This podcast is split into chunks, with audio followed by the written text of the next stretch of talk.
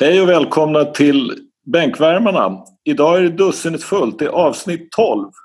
Och vi har, skulle man kunna säga, lite grann en special guest ikväll. Vi har, av någon anledning har vi gett coach Johansson permission. Han sitter i Östergötland med gamla vänner och dricker vin har vi fått reda på. Istället för Henrik Johansson så har vi med oss Jonathan Hubbe, Fame of Borås och vildsint Clippers-fan. Ikväll ska vi diskutera, vi kommer att introducera en liten ny, ett litet nytt segment i podden som vi kommer att kalla för Nicks hörna.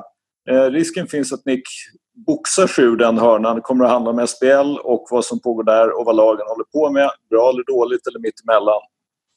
Därefter kommer vi samtliga att ha synpunkter på vilka som är NBAs fem bästa point guards, fem bästa vingar och fem bästa stora spelare, fem bästa bigs. Och då är förutsättningen alltså just nu, inte något historiskt utan just nu. För att göra vår vän Hubbe lite bekväm så kommer vi att prata om hans favoritlag, Los Angeles Clippers, som är en av titelfavoriterna nu när vi är på väg att dra igång bubblan igen i NBA. Sen kommer vi att diskutera vilken spelare skulle du ge ett tioårskontrakt? Patrick Mahomes, quarterback i amerikansk fotboll i Kansas City Chiefs, fick nyligen ett tioårskontrakt av sitt lag värt närmare 500, 500 miljoner dollar i teorin i alla fall om han klarar av att få alla sina bonusar som är möjligt. Sen avslutar vi med våra sedvanliga hot takes. Välkommen till avsnitt 12. Jag heter Henrik Sköldström. Jag har med mig Addis Nimmerstam, Stefan Jovanovic, Nick Rajacic och vår gäst Jonathan Hubbe. Nick, du får börja med ditt eh, med, komma ut ur din hörna med boxningshandskarna på. Så första avsnittet av Nicks hörna då. Uh, jag kommer att betygsätta alla ligalag i SBL här, hur de har uh, värvats och uh, ja, arbetat under sommaren. Och betygsskalan är champagneflaskor på XY. Så har man gjort bra ifrån sig så får man, får man fem champagneflaskor på XY. Har man inte gjort bra ifrån sig så får man en. Uh, Shit vad och... du försöker jobba in gratis helrön. Ey, uh, ni ser inte, men Jonathan Hubbe har faktiskt en XY-keps på sig. Så han är en boråsare. Han yes, representerar. Sir. Men i alla fall, vi börjar. Hallå Nässjö Basket, hallå!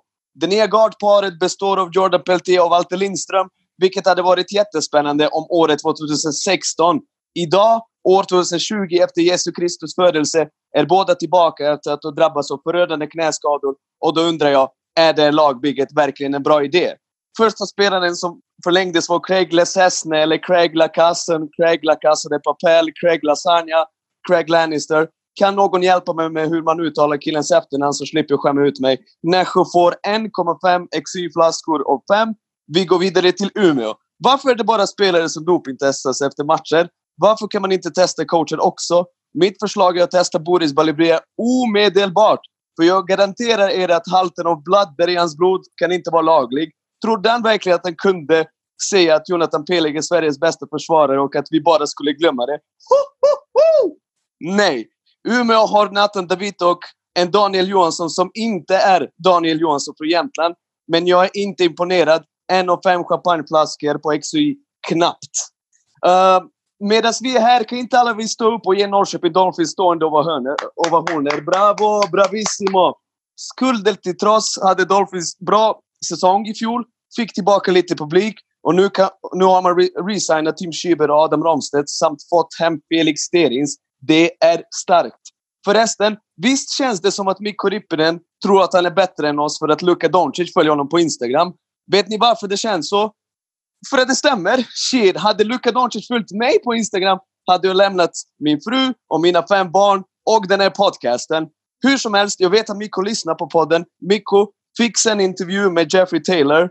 Kom igen, vi vet att du kan ordna det. Norrköping får hela 3,5 champagneflaskor. Jämtland har haft bäst försäsong av alla och är i mitt tycke stark guldkandidat. Men låt oss prata om något helt annat. Jag såg på Jämtlands sociala medier att de har lediga tvåor i centrala Öster, Östersund för 4 500 kronor i månaden. 4 500!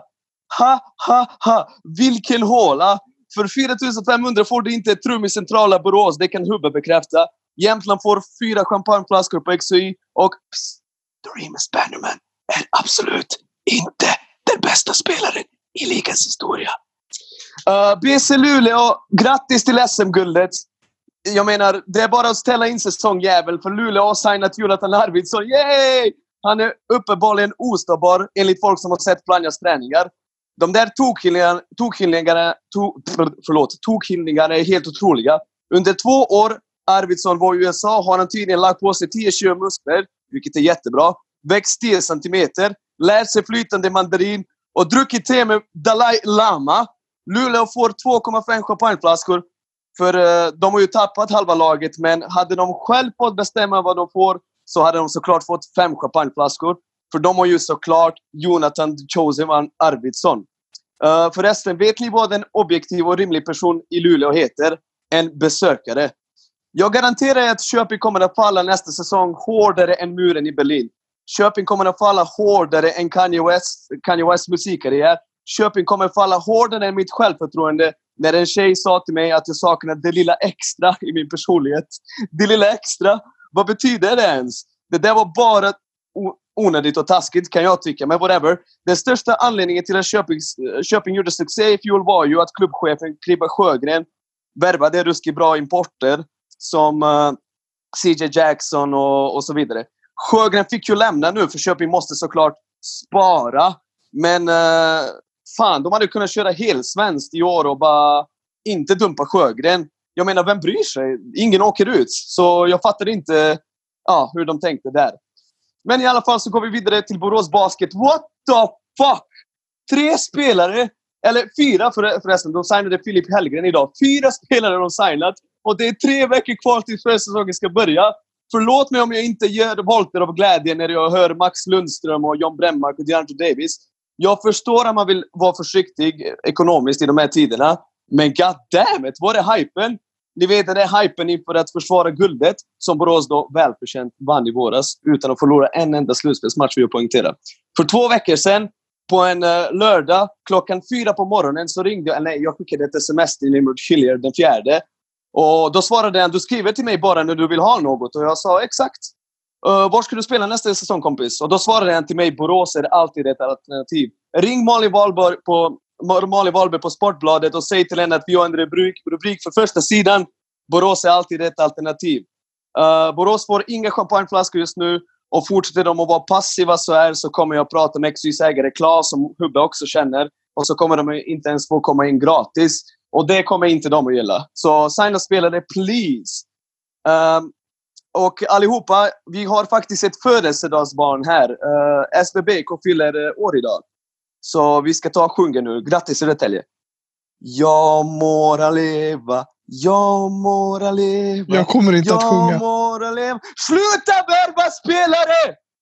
Ni har inga pengar! Hur svårt kan det vara? Varför inte ta ett mellanår och, spa, mellanår och spara pengar? Varför signa alla de här klasspelarna? Vi har redan pratat om det här inför avsnittet. Men god damn! Gadde Radosavljevic är ju bra, men ja, de erbjöd Dino Peter kontrakt också. Men nu måste man backa undan för att eh, Scania har sagt att de kanske inte kommer sponsra. Om inte de sponsrar nästa år, då kan jag lova er att Södertälje är på väg mot något horribelt. Uh, och det här är faktiskt inte ens uppe i diskussion. Jag vet att det finns folk som tänker så här. Uh, ja, men vad vet du om Södertäljes ekonomi? Uh, du har inte en aning. Och det är ju samma som när folk som äter oliver vill diskutera med mig liksom, och säger något i stil med eh, eh, Ja, alltså smaken är som baken och alla har rätt till sin åsikt. Bort från mig din köttare! Alltså, jag vill inte höra det där. Det är något allvarligt fel med dig om du tycker att oliver är gott. Punkt slut. Jag, alltså, jag vill inte prata om det mer. Uh, och sen var vi mer... Uh, ja, Fryshuset. Alltså, uh, ja, Fryshuset. De, de har inte signat någon. Ingen vet vad som händer. Men de har den där... och vi behöver en klubb i Stockholm, skyddsvästen. Så det är inte okej okay för oss att kritisera dem. Så låt oss säga att en match i november de gruppmisshandlar domare efter matchen så kommer folk säga ja, men vet du vad? Vi behöver en klubb i Stockholm. Vi kan inte ge dem böter. De måste överleva liksom. Och sen om de glömmer boka hallen och så tvingas en match spela utomhus, minus 8 grader, så snöar det. Och så klagar vi så kommer de säga nej, nej alltså vi behöver ju ha en klubb i Stockholm. Uh, så vi, de kan inte få böter liksom. Och det är absolut förbjudet att kritisera dem. uh, det har inte hänt någonting där så uh, ja. det är lite tråkigt kan jag tycka och det, här var, det här var Nick Sörna. vad tyckte ni? Intensivt. Jag gillar ju oliver. Så jag vet inte. Jag gillar också ja. oliver.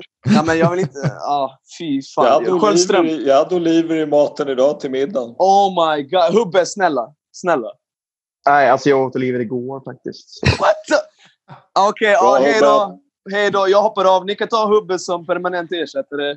Det var kul. 12 avsnitt. Goodbye. Nej, jag skojar. Men vad fan, oliver är ju vidriga. Kom igen, grabbar. Men jag gillade jag Nicks hörna. Jag tycker tre saker om, om Nicks hörna. För det första så Luleå vill väl inte ha fem champagneflaskor på XOY. De vill ju naturligtvis ha fem flaskor orientdressing. Ja. Och dessutom på Cleo. Precis. Ja, jag, jag hade gärna velat se vad Cleo kallas för i basketkretsarna, men nej, vi skippar det. det... nej, men eh, jag har en fråga, Nick. Ja, varsågod eh, supertalangen eh, Jonathan Arvidsson. Mm. Du sa att han hade lagt på sig 10 kilo och vuxit 10 centimeter. Nej, men det är det de säger. De säger att han är bäst i hela världen och guldet är säkrat. Liksom. Jag ja, men jag har en följdfråga. Alltså, jag har en fråga på det. Ah. Om han har gått upp 10 kilo och vuxit 10 centimeter, ah. bety betyder det att han nu är 10 centimeter lång och väger 10 kilo? Uh, oh, nej, nej. nej, men alltså grejen med Jonathan Arvidsson är att han, han, är, han är en dataspelare. Han är en Fortnite-lirare, så det är svårt för mig att gilla honom till att börja med. Men de okay. har överhypat honom något så fruktansvärt. Han har ju liksom, han har bestigit Mount Everest. Han har ju... Jag vet inte, han har druckit uh, te med Dalai Lama och Barack Obama samtidigt. Uh, så ja, ingen kommer kunna stoppa honom nästa säsong. Och grattis till guldet ännu en gång, Luleå. Det, ja, men det kul. Då kanske vi får en till eh, eh, landslagsspelare som kan konkurrera med Ludde ja, Håkansson eftersom nej, nej, Johansson nej. tycker att han är överskattad. Nej, men jag, tro mig, Jonte Arvidsson är klart bättre än Ludde Håkansson. Snälla, kom igen. Ludde Håkansson, lägg av. Okej. Okay. Jag har en sak till där. Alltså, Mikko Rippinen, vi vill ju inte intervjua Jeffrey Taylor. Vi vill ha honom som gäst, precis som Johan Stark med hela vägen. Först pratade med Jeff och sen så hot takes och vad mer vi hittar på just den dagen. Men det är klart att vi vill ha Jeff med oss i Bänkvärmarna-podden. Helt, helt odiskutabelt. Sen tänkte jag på en sak vad gäller Södertälje, Nick. Så är det ju så att eh, det måste ju kännas lite, lite trist faktiskt och det känns också i någon mening lite fel att man alltså signar Anton Gaddefors, Anton Gaddefors och eh, Radosaljevic men då får dra tillbaka kontraktet för Dino Pita. Inget ont om Gaddefors och Radosaljevic men Dino Pita är en egen produkt. Han är liksom fostrad i Södertälje Basketbollklubb och är någon som jag tror faktiskt att man skulle gilla att ha i klubben när han har slutat spela. Det tyder ju på att situationen är eh, att man har upptäckt att den är ganska allvarlig faktiskt. Jag tror annars att, att eh, Södertälje tycker ungefär som jag att det skulle vara trevligt att ha Nick eller Dino Pita i laget nu och ha honom kvar på någon form av position i klubben så småningom. Och som en förlängning på det så kan jag också säga att eh, jag tycker att det är eh, väldigt kortsiktigt liksom planerat att man ska stå och falla på en sponsorintäkt gällande ett, ett spelarkontrakt. Alltså det, eller, det är fullt orimligt. Det är fullt orimligt att man eh, kommunicerar ut att man eh, liksom väntar på Scania eh, och därför inte kan värva Dino Pita. Det, det sponsoravtalet ska inte vara avgörande för huruvida du ska kunna hämta in en eh, svensk kvalitetsspelare eller inte. Eh, Nej, jag, jag, jag håller med båda. Jättebra poäng Sköldström om Dino Pita. Antagligen tar man hand först om sina egna liksom, i de här lite svåra situationerna. Och jag håller med dig Stefan också. Uh, är det så att du är ett nej från att rasa, då kanske du inte ska gå ut och signa folk som liksom är riktigt bra och håller typ landslagsklass. Och mm. Jag menar, vi har redan snackat om det här. Vad är Södertälje för något? Vem försöker de vinna guld för? Det är ingen där som tittar på matcherna. Och jag har tänkt på det. När var det senast en svensk spelare tog ett jättekliv? Ett tag var det en spelare varje år. Men sen Nick Spire så känner jag faktiskt inte att någon svensk har gått dit och verkligen tog ett monsterkliv. Om ni förstår Men vad jag menar. Simon Birgander, han var ju aktuell för NBA-draften. Men han har inte spelat i Södertälje. Nej, aha okej. Okay. Där fall- fallerade hela min poäng. Nej, Men kommer du var- ihåg det draget hans agent drog? Att han Ja. anmälde honom till NBA-draften och sen drog tillbaka honom. Ja, ja, och sen gick vi ut och sa ja, men det var ju massa lag som ville ha honom. Fan att Ja, han inte ja, draftades. Men Simon kan spela. Han är duktig. Simon Ja, ja, är duktig. gud, ja. snack om saken. Men det är ingen NBA-spelare. Det tycker inte jag heller. Jag måste bara fråga också Hubbe. Vad tycker du Mhm. om eh, Nicks betyg om Borås? Ehm, jag vill försvara. Alltså, alltså först och främst vill jag... John Brändmark eh, är ingen sopa. Ehm, Jag har inte sagt att DeAndre Davis är sopa. Jag har inte sagt att någon av dem är sopor. Men John, alltså, alltså John alltså. Ehm, det är en klassspelare när han är frisk uh, från sin ljumskskada. Ehm, jag tror att han kan göra ett stort avtryck när han väl är inne på, på plan. Och när han blir het så blir han verkligen het. Jag har spelat med John sedan jag var 12 år gammal. Um, John är grym. Ehm, men de är lite försiktiga, eh, tycker jag. Ehm, vi får se. Jag hoppas på Nimrod också, men jag tvekar på det. Han har mycket bud utomlands, kan jag tänka mig. Vem han då? är fantastisk. Nimrod. Ja. Ehm, Du, Hubbe, ja, Hubbe för, ja. förlåt för att jag avbryter dig. Uh, Brännmark är inte klassspelare idag. Han snittar ändå tre poäng per match i Köping. Däremot så är han... Han har den där grejen att när han är inne på plan så går det nästan alltid bra för laget. Han gör rätt grejer liksom. Men Mm. klassspelare... Däremot är han, han är duktig. Det, det är en bra rollspelare. Och framförallt så är han från Borås. Så jättebra signing. Fortsätt. Förlåt för att jag avbryter dig. Eh, nej, men alltså många år av skador ehm, och inte ha en, typ en hel... Alltså, det är en halv säsong nästan bara han har spelat. Alltså, så jag tror att ehm, alltså, inga skador och mycket lir så kommer han bli jättenyttig. Jättenyttig. Um, det är ett hot från trepoängslinjen alltid. Gör alltid rätt i försvar. Smart spelare. Alltså, alltså bra IQ. Um, ehm, och svensk och rätt billig skulle man kunna säga. Um, smart signing skulle jag säga. Jag, eh, jag sa aldrig att de här grabbarna är sopor. Jag menar att okej, nu har man varit försiktig, man har väntat ut. Och, Mm. Men det går ju långsamt och jag lovar dig, snart Mm. kommer det komma. Ah, men kolla vi har signat Andreas Persson och kolla vi har signat William Gutierrez. Jättebra, men alltså försäsongerna drar igång snart. Man måste ju ändå... Jag vet att det är osäkert när säsongen ska börja, men eh, alltså lite mer behöver jag. Lite mer. Vi ska ju trots allt försvara guldet. Vi vann så dominant utan att förlora en enda slutspelsmatch i våras. Så nu, nu, är det faktiskt, nu är det faktiskt Borås Baskets ansvar att försvara det här guldet på exakt samma sätt. Ja, jo, men vi får se vad som händer. Jag hoppas det händer någonting snart. Det behövs. Ja, men då så. Då, vi, vi avslutar då SPL för nu. Och så går vi då istället in på vår, våra personliga favoriter i NBA då, av det som vi betraktar som de tre intressanta spelarkategorierna idag. Point guards, vingar och bigs. Det vill säga stora spelare, centrar och möjligen power forwards. Addis, jag föreslår att du börjar med dina fem bästa point guards. Mm. Det kan jag faktiskt ta och göra. Det blir väl... eh, Jag, jag gissar på att vi kommer överlappa en del. Eh, Men Det hoppas jag kanske- verkligen, annars lämnar ju Nick podden. Ja, men exakt. Nej, men det, det lär vi nog göra. Men den första för mig, och det är fortfarande solklart för mig, det är Curry. Jag håller honom fortfarande högst av eh, alla guardsen i, i NBA. Eh, två har jag Harden, Trea Luka Doncic, fyra Lillard och femma har jag CP3. Chris Paul alltså. Intressant. Vi har ju inte sådär 100% bestämt exakt liksom hur man skulle tänka, vad man skulle rösta och sådär. Men jag, jag själv valde ju bort Curry för att han i princip har varit skadad hela säsongen. Och så honom har jag faktiskt inte med som liksom någon att tänka på. Skulle jag, ha, skulle jag liksom ha godkänt honom då skulle man ju fått fundera både på Curry och kanske till och med Kyrie Irving. Eh, och, betyder inte att jorden är platt men eh, jag hade i alla fall fått tänka på honom i de här fem. Eh, och det är också intressant att betrakta då James Harden som point guard. Det finns ju de som anser att han inte är det.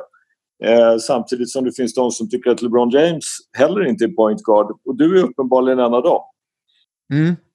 Eh, det, det är jag, men det alltså som man brukar säga, det är ju egentligen en lek med siffror. Alltså etta, tvåa, trea. Det spelar ingen roll vilken siffra man sätter på LeBron. han kommer fortfarande styra offenset. Men jag, jag brukar tänka som en tumregel att okej, okay, vem spelar du defense på? Mm. Och där spelar inte, väldigt sällan LeBron i, i dagsläget spelar eh, defense på mindre personer. Eh, det är snart tvärtom. Han brukar ju nästan liksom gå uppåt i positionen och spela på fyror nästan. Oftare. Så det är så jag mm. brukar tänka i alla fall. Men, men mm. visst, alltså, i offense är ju LeBron sina lags etta väldigt ofta. Om nästan inte alltid. Är det någon som har några synpunkter på Addis lista? Jag, jag måste erkänna, jag gillar den ju. Jag också. Ja, jag har inte heller med Steph Curry på min, men eh, det är klart att det är en fett rimlig lista. Så det är jävligt svårt att eh, inte ha en, alltså, en rimlig lista. Ja, det är jävligt svårt, för ingen här är ju dum i huvudet. Men, men om jag säger så här då. Skulle någon av er ha Curry som etta, som jag har? Inte etta som Nej. position, utan etta. Nej. Jag har han på mina topp fem, by the way. Men inte som nummer ett. Hell inte som nummer ett? Nej, heller. Nej, Nej okay. inte jag heller. För jag tror att han är alldeles för beroende av det systemet de har där borta i Warriors. För att han mm. ska... Mm. Han hade blivit exponerad för mycket mer mm. uh, i, någon, i något annat franchise om han hade varit själv. Om han mm. inte typ hade haft Patrick Beverly bredvid sig. Eller Kawhi Leonard bredvid sig. Eller något sånt där. Någon elite defender på mm. position två eller tre. Så hade han nog blivit betydligt mer exposad och kanske inte varit lika bra. Men å andra sidan, vad fan vet jag? Jag sitter ju här och, och snackar i en podd. Jag är inte på andra sidan pölen. Mm. Nej, men den förstod jag skulle kanske bli eh, lite så. Men Harden över Doncic då? Hur, eh, hur faller den för jag, jag håller Harden högre i en slutspel. Nu vet jag att Harden har haft sina slutspelsspöken och så vidare. Men eh, går jag in i ett slutspel nu i ett lag, eh, då tar jag Harden över Doncic.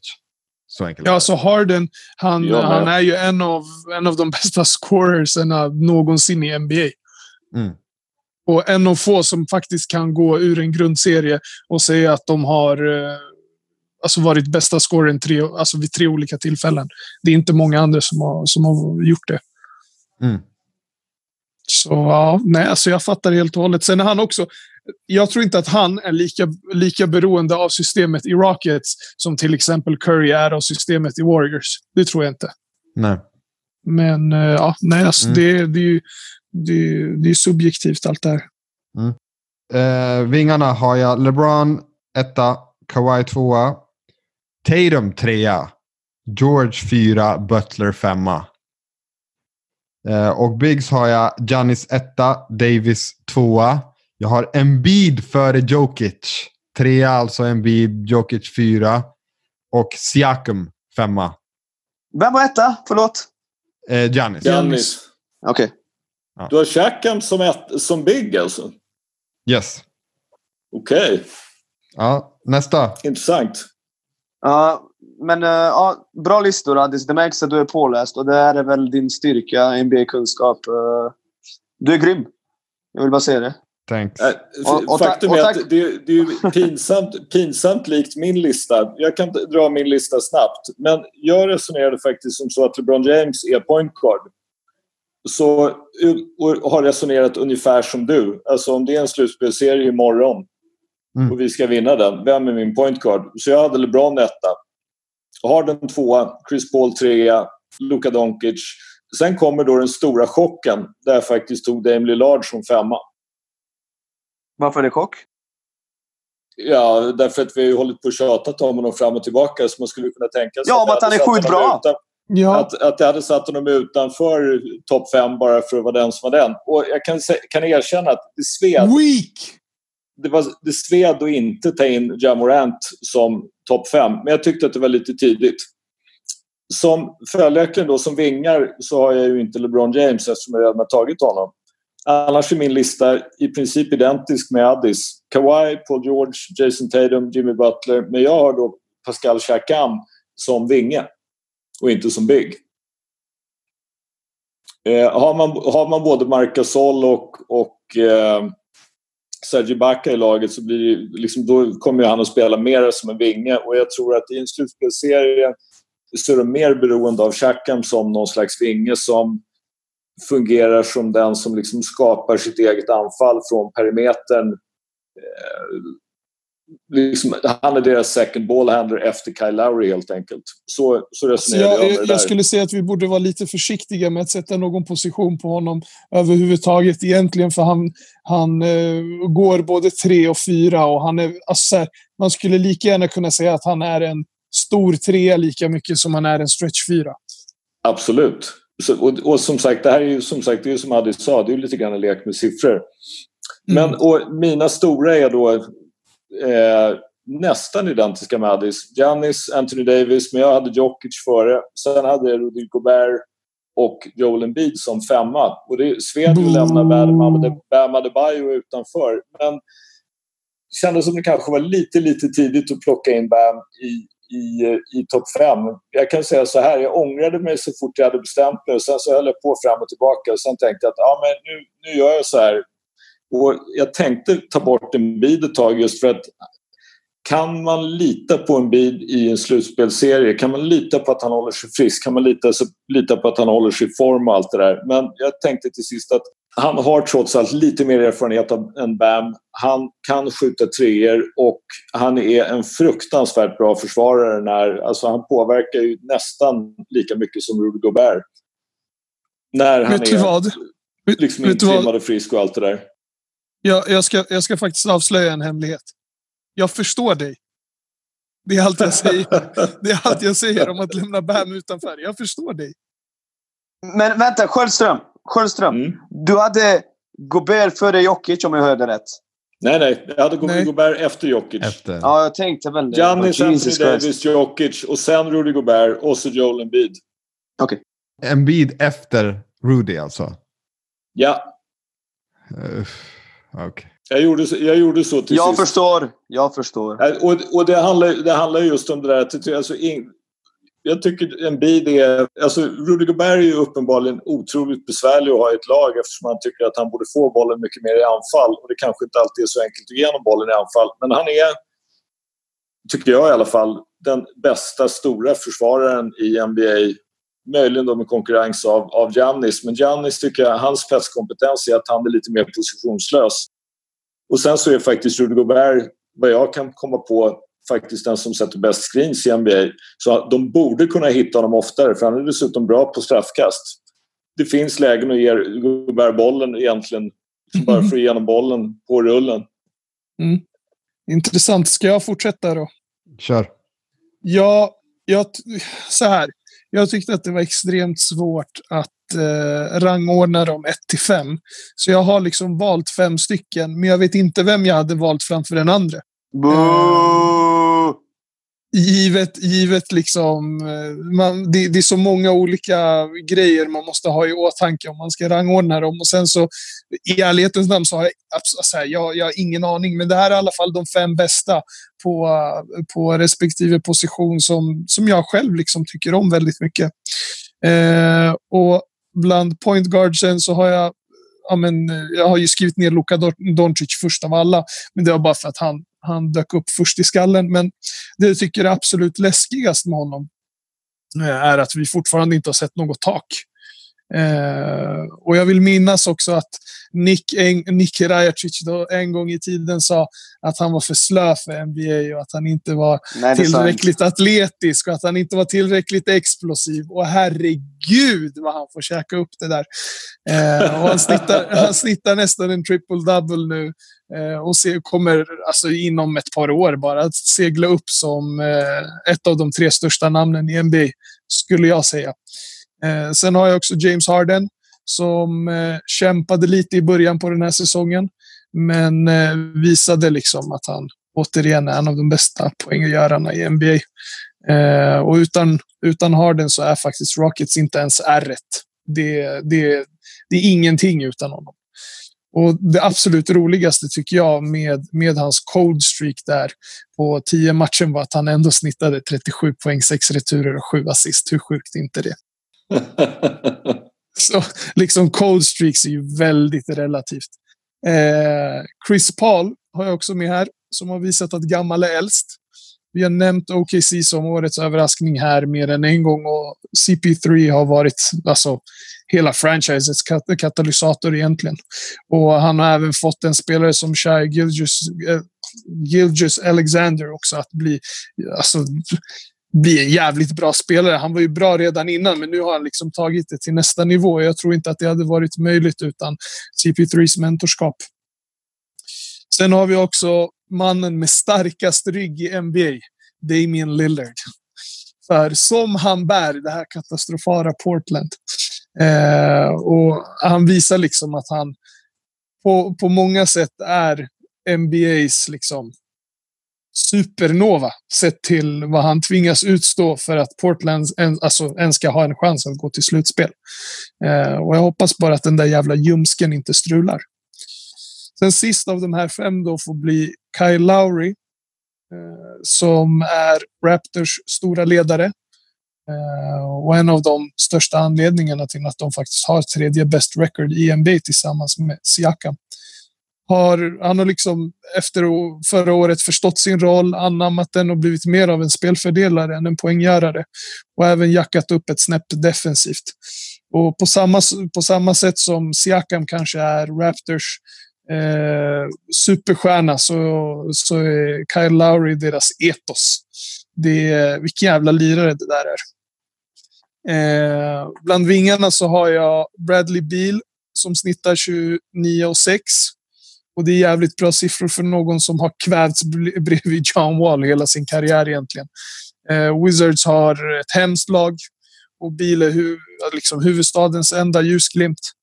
Eh, och det är sjukt att de bara ligger typ tre och en halv, fyra matcher bakom, Mag bakom Magic för åttonde sidan. Och om han leder dem till slutspel så alltså, han förtjänar fan Nobelpriset för det.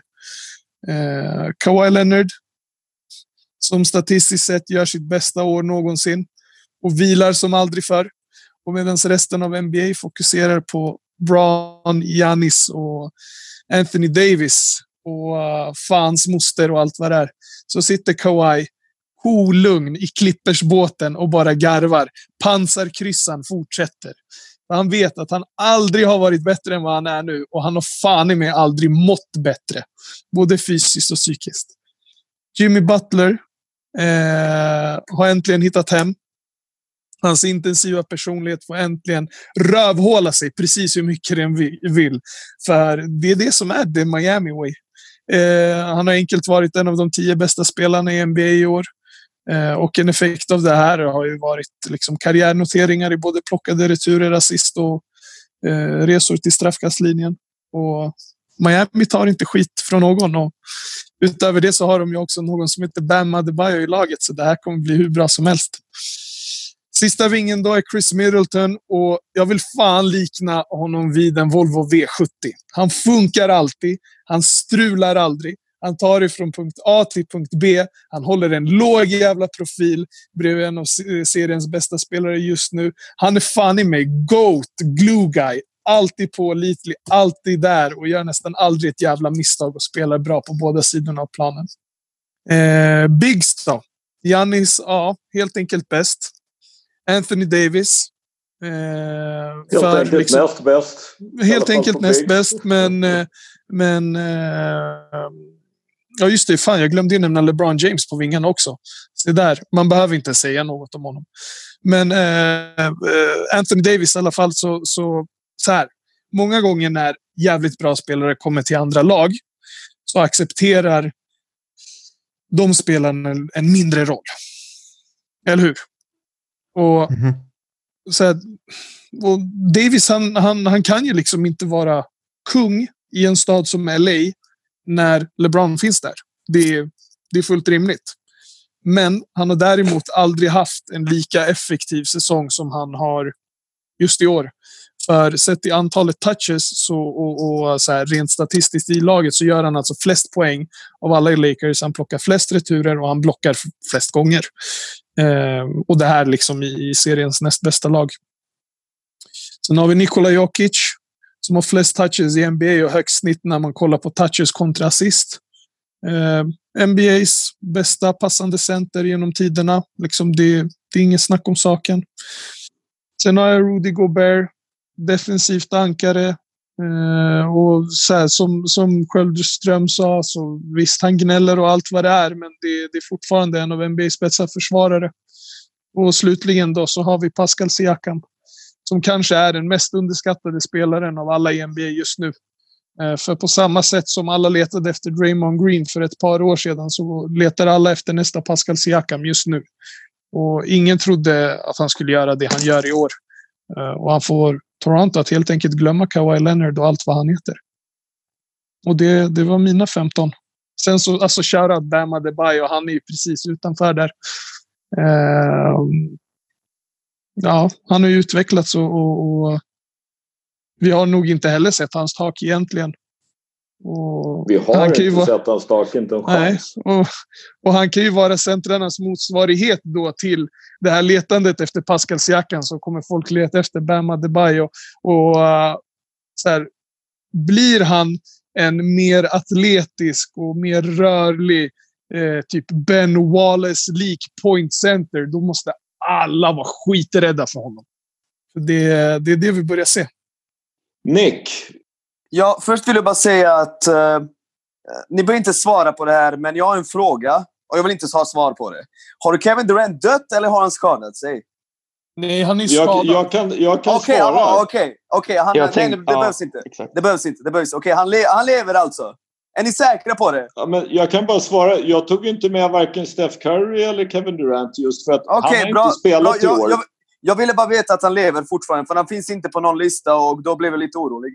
Uh, ja, men om sen... du skulle spela en slutspelserie imorgon, skulle du ta med Kevin Durant då? Ja, du sa ju det här. Ja, om, om, om jag kan ha honom nästa år och året efter och året efter så ja, ge mig Kevin Durant. Ja, men vi snackar ju i år. Du, Stefan. Det var du som faktiskt garvade åt mig för att jag sa att Luka Doncic inte skulle vara bra i NBA. Och sen direkt efter det ser du Chris Middleton är topp fem i NBA. Vadå? Vänta, vänta. Så du påstår ah. att han inte är en av de fem bästa vingarna i år? Stefan. Sluta. Du påstår det? Okej, okay, ge, mig, okay. ge mig fem andra vingar som är bättre. Nu. Ja, jag, jag ska göra det. Snälla. Ge snälla. Det. Ja, ja. Men först, låt mig börja med guards. Uh, LeBron har spelat som point guard i år. Då är han etta. Som två har du faktiskt Luka Doncic och ja, jag sa faktiskt att jag var osäker på om man skulle kunna bli en stjärna i NBA. Jag har alltid sagt, även när yngre, att han är mest killad av alla spelare i sin generation. Jag trodde inte att han skulle vara dominant.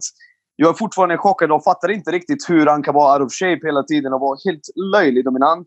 Men hatten av, killen är fantastisk. Jag tror att det är framtida MVP vi tittar på där. Efter dem har jag Steph Curry och efter Steph Curry har Dame Lillard. Vi har redan haft de här diskussionerna om Steph Curry och Lillard. Och jag fattar att Curry är bättre. Ja, han, är, han är skadad nu, men jag fattar att ni tycker att han är bättre. Jag tycker bara inte att skillnaden är så stor som de flesta påstår. Dame är kung. Jag älskar honom. Han är nummer fyra. Och jag är väldigt glad att ni börjar också förstå hans storhet. Chris Paul är femma. Och sen har jag sjätte spelare på listan. Vet ni varför? För det här är min lista och ni kan inte göra något åt saken. John Morant. Också en framtida MVP i mitt tycke. Jag älskar hans game. Och han har något som DeAndre Fox inte har. John Morant. Alltså han gör andra omkring sig bättre utan att ens tänka på det. Vissa spelare har bara den förmågan. Medan DeAndre Fox han måste tänka, okej, okay, ska jag passa nu? Ska jag avsluta själv? Det kommer inte lika enkelt för honom, så är Ja helt sjukt bra på det där. På plats nummer 20 har du Kyrie Irving, på plats 50 Russell Westbrook och på plats 1386 så har du Alonzo Ball. Uh, när det gäller vingar så har jag Kevin Durant för, som nummer ett, för han har inte dött. Tack gud, jag var orolig där Men han har ju fortfarande uh, inte spelat. Du kommer men, inte vänta, att spela. Min, min, lista är de jag skulle ta nu och framöver. Nu med, med, med en dragen hälsena. Så hade du tagit honom nu. Du, Kevin Durant nu. är ett fenomen. Han kommer komma nej, tillbaka. Nej, nej, lyssna, kommer... lyssna, lyssna. Hade du tagit honom nu? Ja eller nej? Men jag hade inte tagit honom nu när han liksom ligger i sjukhuset. Men jag menar då så. framöver. Ja, men då så. Det är ju nu oh vi snackar God. om. Det är nu vi snackar om. Nej! Vi jo. sa ju att vi skulle ha egna kriterier. Mina kriterier är nu och framöver. Inte nu, nu. Inte, jo, alltså, nu! Inte nu menas, det var ju det allt handlade om nu! Nej, vi Vilka sa ju att vi skulle... nu? Om du skulle läsa om, om Stefan hade läst våra inboxen så hade han vetat att vi skulle ha egna kriterier. I alla fall, Kevin Durant är en av de bästa anfallarna någonsin.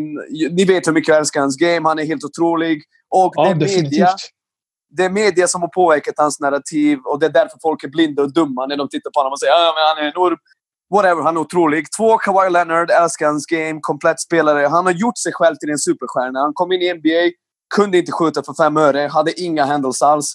Jobbat upp sig, fantastisk ledare. Tre har James Harden, fyra har jag Paul George. Jag tror inte att någon av er hade Paul George faktiskt.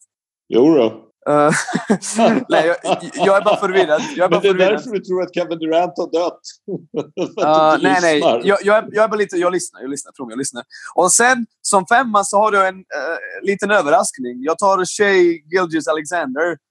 Eh, Yes sir. eh, jag tycker att... eh, han kanske inte är topp fem. Jag skulle haft Tatum där egentligen. Men Så- Shea... är Nej, Jag tänkte ju säga det. Du har just valt tjej före Tatum. Det kommer du att få käka. nej, vänta, Ja, vänta, vänta. Lyssna, lyssna. Helt Det fin- sjukt. det finns en mening med allt det här. Uh, Shea, fantastisk. Hade en match med 20-20-10 i år. Förra året när jag bråkade med Ryan-bröderna, Christopher och Robin, shoutouts. Jag sa att jag tycker att Shea är typ bättre än Trae Young. Då garvade de åt mig och pekade på stats. I år så garvar ingen åt mig. Shea är otrolig. Jag tror han kommer bli stjärna.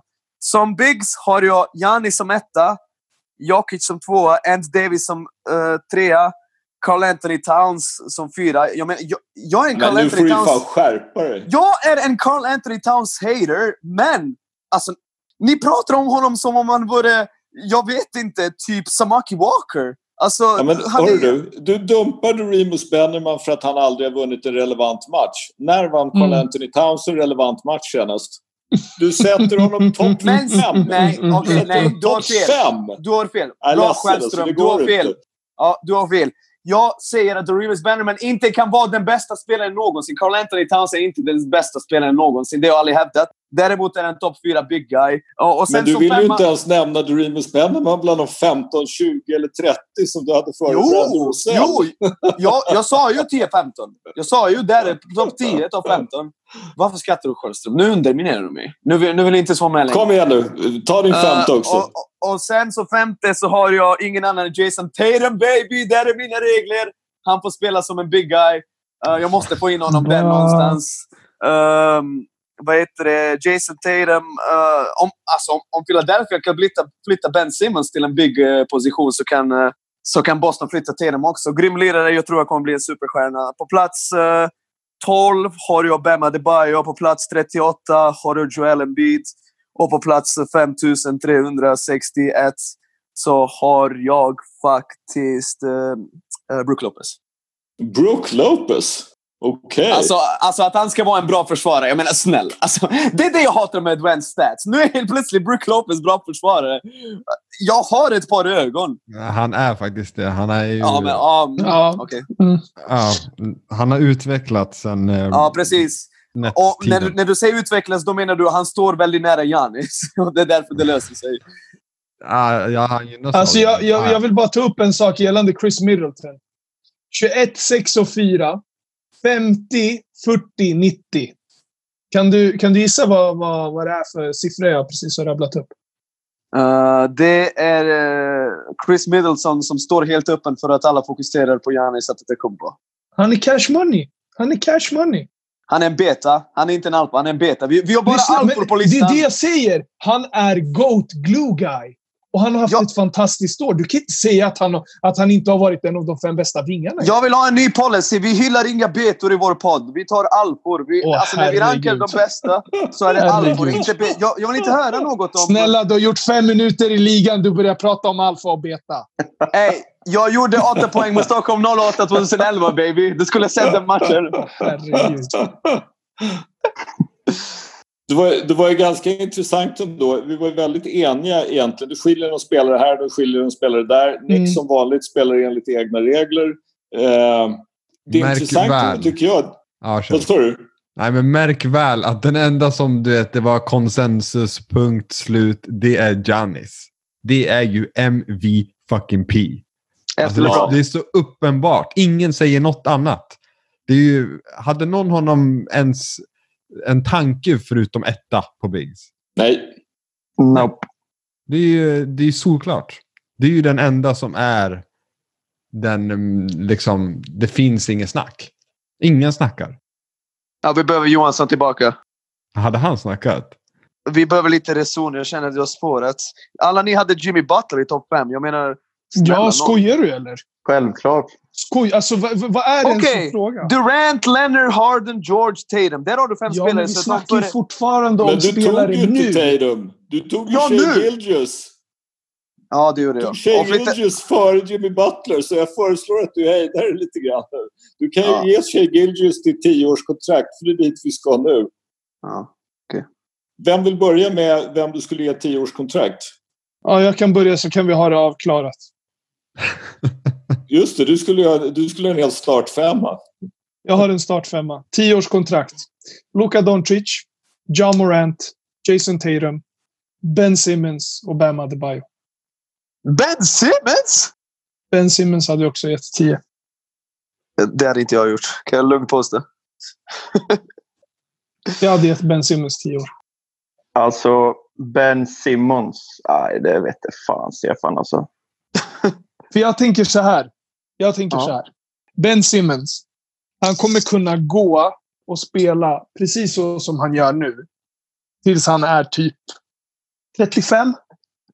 Så om man är ett Mm. lag som, ja, låt oss säga, fan vet jag, Charlotte Hornets. Och vill, och vill,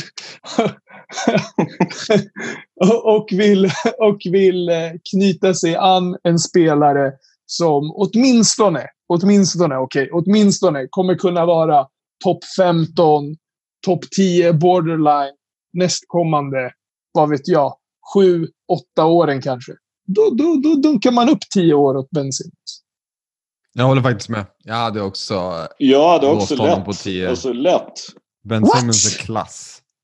Ja, men alltså, Oh my. skärp dig nu. Sen gillar jag inte Nick. honom överhuvudtaget. Alltså verkligen, jag gillar inte honom. Nej, men hur Men ska du ge honom faktum- tioårskontrakt men- när Phila- Philadelphia inte ens vet om de ska behålla honom? Alltså, de, de måste ju vara en Ja, hundraprocentare. för de, väl, Simmons... men de tänker väl inte 10 år framåt. Det är ju bisarrt att tro det där ens. Men Men det, eh, det var- han är 90... det var det han... Vad? Oh my god, det var ju det som var frågan. Det, det är ju inget, det är inget, men det är ju fortfarande inget, alltså det är ingen, det är ingen fråga som någonsin kommer a- alltså, avhandlas i, i, i det verkliga livet. Inget Nej. NBA-franchise kommer tänka, ah, okej, vem ska vi erbjuda tio, tio, ett tioårskontrakt till? Men fullt om, orimligt. om, om man skulle göra det, vem skulle du ge det till? Det var ju frågan, Stefan. Det, det, det Ja, men nu pratar segmentet. vi ju rent hypotetiskt. Ja! Och därför då- säger jag, Ben Simmons, Ja. tio år. ja Okej. Okej. Ja, någon annan. Snälla. Stefan har en dålig dag. Ja, alltså, jag, jag måste bara säga om, om Ben Simmons så tycker jag precis som vanligt. Alltså, nämn mig någon. Alltså, ja, det kanske finns någon, det är väl typ Giannis. Men jag vet faktiskt ingen annan som kan spela försvar 1-5 som Ben Simmons. Draymond Green är bästa försvararen någonsin enligt honom själv, så där har du en kandidat. Ja, men Draymond Green är ett bra förslag. Nej, det är det inte. Dray- Draymond Green är ett bra förslag, men Pascal Kawhi. för tre år sedan, Kawhi, typ. Kawhi. idag, skulle jag, idag ja, precis, det är Kawhi. Inte Bra, då Kawhi idag. en. Då har vi hittat Kawhi. Jag sa ju 2014 fortfarande Kawhi. Ni, ni, ni vill alltså inte ge NBAs typ tredje, fjärde, femte, sjätte bästa försvarare någon cred. Då vet vi. Ja, Nick, inte Dessutom då någon så får du 8 assist och 17 poäng och han kan spela både point guard och- och fyra åt dig. Eller till och med femma. Men kommer man vinna med Ben Simmons? Är frågan. Ja, men det, det, det är ju Ja, vi, vi går till nästa. Vi går till Context nästa. matters. Ja, kör Nick innan du, innan du eh, Alltså Nick, du på, ska vi hämta lite blodtrycksmedicin till Nick? Nej, men alltså... Den kommer jag, implodera. nej, men jag, jag, ber, jag ber om ursäkt till lyssnarna, för nu har vi fått lite lyssnare och hamnat eh, högt på vissa listor och sådär. Så jag ber om ursäkt. De, för, de hör ju det här och spyr säkert. Ben Simmons, vi är inte säkra att Philadelphia vill behålla honom. Han är en liability i fjärde perioden. De måste gömma honom. Ni vill ge en spelare som laget gömmer när matchen avgörs tioårskontrakt. Det där är ju bara... Alltså, jag kan inte fatta att ni är seriösa. Snälla ändra er, Sköldström och Addis. Jag förstår att Stefan har en dålig dag, men ni har fortfarande tid att rädda liksom, situationen. Jag du, vet att, du, du vet att det är en mot tre nu, va? Och du Nej, snackar... För, alltså, snack, Hubbe på min Men sida okej, och Johansson. två Hade mot- Johansson varit här... ha- Hade Johansson varit här hade varit lyssna nu. Lyssna nu. Vi snackar fortfarande om en spelare som under tio års tid har potential att vara eventuellt bland de tio bästa spelarna i ligan. 15 till 10. Det är klart att du ger honom en, ett tioårskontrakt då. Han sätter inte Om bollen. du kan säkra upp han en spelare som är bland de bästa spelarna i serien under tio års tid, då är det klart att du gör det. Om chansen dyker upp, varför ska du, varför ska du inte göra det? mitt i Indiska havet och han är i en båt. Han skulle missa havet. Alltså, han kan ju inte och skjuta. ändå så startade Philly honom i 12 av 12 slutspelsmatcher i fjol och lät honom lira 35 minuter. Jag kan inte- jag kan- att de vill gömma honom. Jag, alltså, jag argumenterar mot ett gäng olivätare liksom. Och Ben Simmons. Alltså, det här är- känns ju omöjligt. Hur kan ni tycka att en spelare som... Alltså jag lovar er att Philadelphia 76 ja, de tänker så här just nu. Uh, ska vi dumpa en bit? Ska vi dumpa Ben Simmons? Det här funkar inte riktigt. Och ni vill ge en sån spelare 10 år! Alltså... Va? Nej. Alltså, det Okej, finns ju min lista- 300 andra spelare han eventuellt okej, skulle mina kunna spelare- funka med. Jag har två spelare som skulle ge 10-årskontrakt. Och jag skulle ge dem 10-årskontrakt för jag tänker 10 år framåt. Så jag trodde att det var det här det handlade om, men tydligen inte. John Morant, Luka Doncic. Eller Luka Doncic 1, John Morant 2. Det är de enda jag litar på 10 år framöver. Kanske Tatum. Men jag älskar de här två. Jag märker att point guard-positionen är... Ja, det är ju den viktigaste positionen i NBA idag. Jag litar på båda två väldigt mycket. Jag älskar deras games. De är liksom uh, crowd pleasers. De är väldigt karismatiska också båda tycker jag. Lätt att sälja. Fantastiska lirare. Morant och Luka Doncic. Och vi tänker tio år framöver, vilket var ju själva frågan, men tydligen inte. Så du hade inte valt Jason Tatum? Jag sa kanske, men typ tvekan då. Däremot Ben Simmons, äh, alltså, ben, jag, kan- alltså det här är ju... Jag, jag, vet att Du, behöver Johansson kommer lyssna inte, där. du, du kan lägga ner det där med Simmons nu. Vi har förstått vad du tycker om Ben Simmons. Vi vet Bra. att du inte gillar folk som spelar försvar. Nej, han kan inte Addis. skjuta. Han är liability. Ja, alltså, jag kommer inte lista, men för att det är många. Alltså, ja, Zion, Jamorant uppenbarligen. Jag håller med om Ben Simmons. Jag tycker Jason Tatum. Många av de här spelarna som är mellan 20 och 22 och är klass Mm. hade jag låst upp enkelt. För de kommer ju lira 10 år ändå i NBA. Ja, det är perfekta, perfekt tid Ja. att låsa upp dem och sen Exakt. kan de dra. Eh, Och kan du det- det är dessutom min göra det med någon som är borderline topp 10. Alltså, Mm. vad fan, det, det vore ju Ä- dumt att inte göra det. Är, är Ben Simmons borderline top 10? Ja. Åh! Ja, men. Åh! What? Det, det är ingen, Vet- vet- på, den, vet du vad- det är ingen alltså- på den här planeten som är frisk som kommer ranka honom topp 15 i NBA. Alltså det finns ju inte. Vi pratar ju på tio års sikt va? Han, han, han är där, han är där mellan, mellan, mellan position alltså 20 till 10. Lätt. Lätt. Han, ja, Kanske okej, till ja, och vi, med går, 15 till 10. Det är vi tar det nästa avsnitt igen när Johansson är tillbaka. Jag vet att han är på min sida. Jag vet att det är det. alltså, jag, vill, jag vill nu inte vara den som är den apropå det här med Philly och Ben Simmons. Men eftersom du tjatar Nick så får jag också göra det lite grann. Du vet att han har en extension med Philly va? Jag vet, de skrev, han skrev på förra året, förra sommaren va? Du, du vet att han får 29, 31, 33, 35 och 38 va? Och ändå kan han inte skjuta treor. Nej, han kan inte skjuta treor. Men han kan göra annat. Och som sagt, han kan spela försvar. Bygger vissa man laget straffkast. ordentligt kring honom så går det. Jag, jag förstår att det är vissa Ja, alltså, jag- utmaningar med honom på grund av hans spelstil, att han saknar skyttet. Det, alltså jag är helt med på det. Han är begränsad inom ett jätteviktigt område, framförallt i NBA, skytte. Jag vet det. Men problemet Philly har är att de har valt att bygga kring Embiid och Horford runt honom. Det är problemet. Inte Mm. Ben Simmons. Eh, Ben Simmons hade lätt kunnat spela fyra i Philly om, om du plockar bort Horford och sen haft någon i Horfords klass fast en vinge så hade det funkat mycket, mycket bättre. Han tvingas Eller en point guard. Ja, exakt. Det, det är min största beef med det Philly sysslar med. Det är ju deras lagbygge.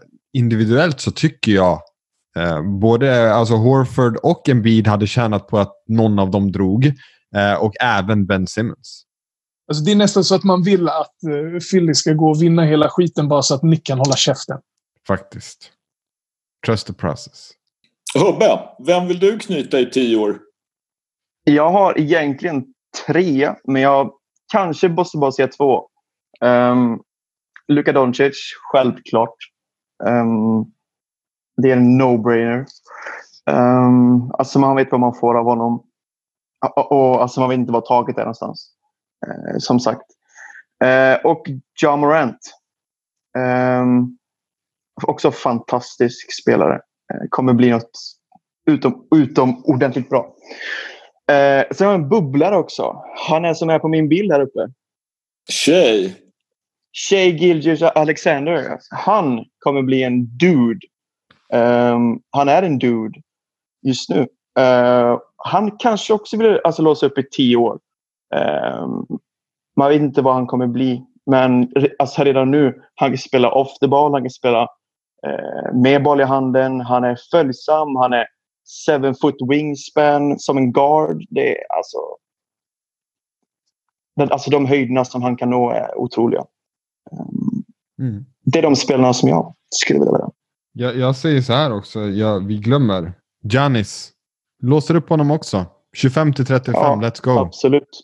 100 procent. Du får åtminstone ja. åtta år som mm. är liksom... Jag tänkte faktiskt på det. Jag tänkte ja. faktiskt absolut. på det. Och så här. Kan ett franchise, låt oss säga typ Los Angeles Lakers, låsa upp honom på tio år det är klart som fan att de går och gör det. För det kommer det vara det enskilt största poster-namet sen när LeBron taggar. För då kommer det vara Durant mot, eh, mot Giannis och sen så kommer Giannis spöa Durant och så vidare. och så vidare. Mm. Eh, och då, så här, de sista två åren, det kan, de kan han ju liksom få som tack för, för tiden. Eh, han har gett dem eh, sju ringar på åtta år.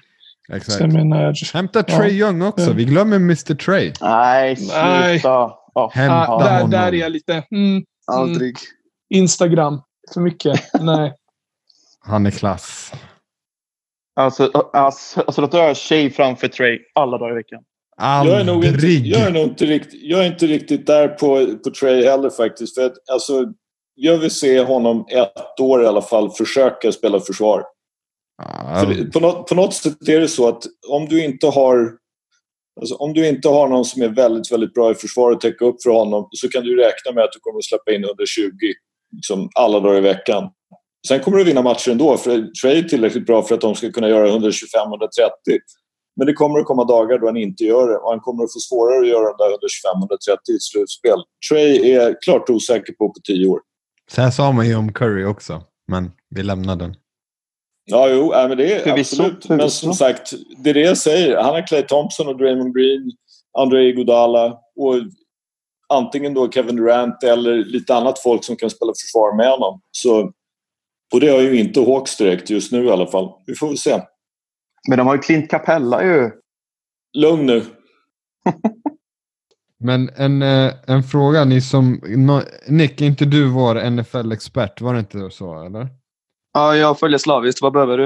Eh, nej, men han eh, Patrick Mahomes som fick tioårskontraktet. Vad, mm. vad är det vi pratar om? Det var ett tag sedan jag följde NFL. Jag vet att han är QB, så att, eh, men, alltså, men grejen är, så vet jag inte. Grejen är att du vet, de har ju ändrat reglerna i NFL lite som i basket. Man kan dra den parallellen.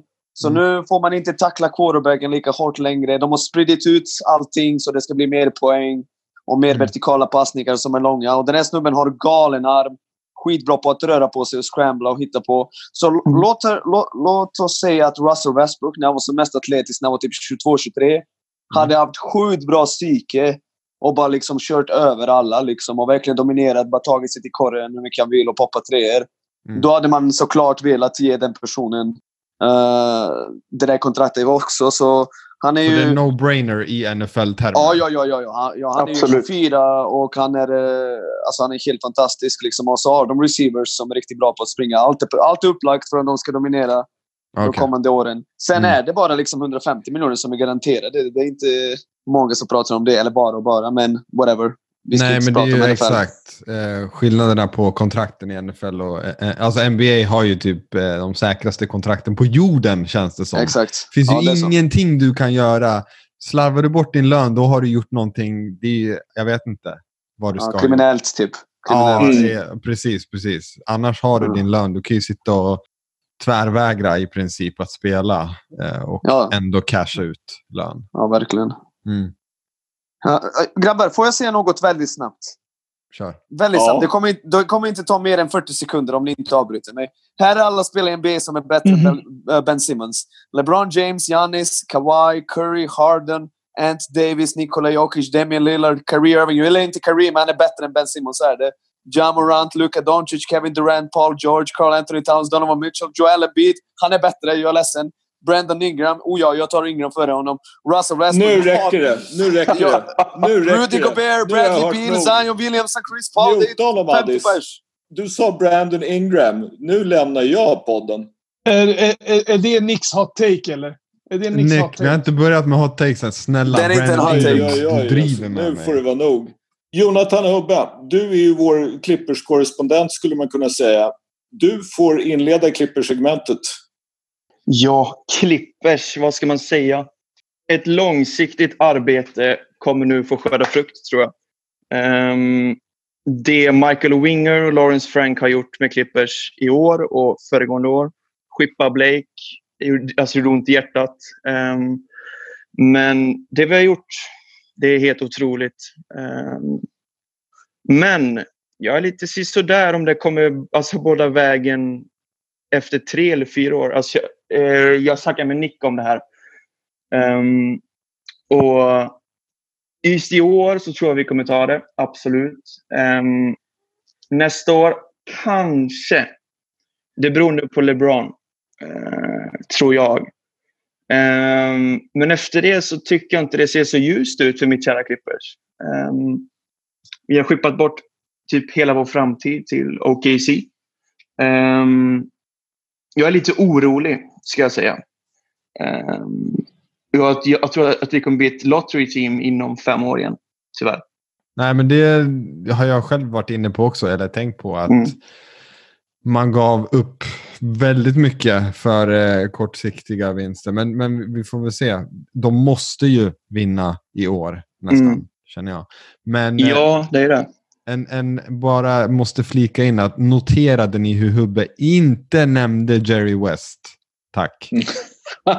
Det var det enda jag tänkte på. Vad sa du? Winger och Frank. Lawrence Frank, exakt. Exakt. Nej, men alltså man glömmer bort Winger och alltså Lawrence Franks jobb. Det de Ja. gör. Eh, det är backbone i Clippers, punkt slut. Eh, alltså Jerry West är bara en... Han är en... Alltså... Rådfråga skulle man väl kunna säga honom. Eh, men Överskattad. Säg det bara. Det är lugnt. Det är absolut inte. Absolut inte. Men det är inte han som gör det stora jobbet. Det ska ha Lawrence Frank ha. Eh, han är bättre på att styra spakarna än att coacha, ska jag säga. Men alltså, det här med, med lottery, det är ju det som, är- det som är lite grann problemet också då med att vara ett Mm. lottery-team. I vanliga fall som NBA har blivit så kan man ju tänka sig att eh, det finns en poäng med att bli ett lottery-team. Men det gör det ju inte för Clippers. För Mm. de har skeppat alla picks. Precis, precis. Så det är vinna nu och, och, och att försöka bygga en kultur och hålla det kring det där. Och, och att bygga runt Kawhi. Eh, annars är vi körda, tror jag. Ehm, Det känns som Tyvärr. att man, by, man, man förlitar sig helt på att Kawhi, Paul George kommer åldras riktigt bra och att Mm. de kommer att stanna i Clippers. Det är ju liksom, man har ju satsat Mm. allting på det där. Alltså alla pengar är där. Och Mm. stämmer inte något av det där så är det över liksom. Mm. I princip. Ja, men exakt. Eh, Ja, men exakt. Eh, och hur länge kan man behålla Lou på 8 miljoner? Och hur länge kan man behålla Tress på i ingenting? Liksom? Det, jag, alltså, jag vet inte hur vi ska alltså, komma framåt efter deras efter Kawhi och George är borta. Tro mig, Eh, om, alltså- om, om Harold och Lou stannar, då vet du att de har fått en bling-bling-deal med Balmer. Absolut. Det, absolut. alltså, det måste ju vara det. För det är inte en chans att de stannar och spelar för typ 9 miljoner och typ 7. Alltså, Mm. Det finns ju inte. Utan då har de fått, okej, vet du vad? Efter din spelarkarriär så bla bla bla bla bla. Det måste vara det. Fast alltså, Lou är, ju, Lou är faktiskt född 86. Så han fyller 34 i år och 35 nästa och har 8 miljoner. Alltså, jag säger inte att han är överbetald på 8 miljoner. Men jag är inte sådär helt övertygad om att Lou är värd särskilt mycket mer än så det år han Mm. fyller 36 och 37. Nej, absolut inte. Ehm, Så. Det är mest att nu, alltså, sett i hans produktion förra året och, just nu. Liksom, det, det har varit helt otroligt vad man får ut av den personen för så lite pengar. Ehm, det var bara det.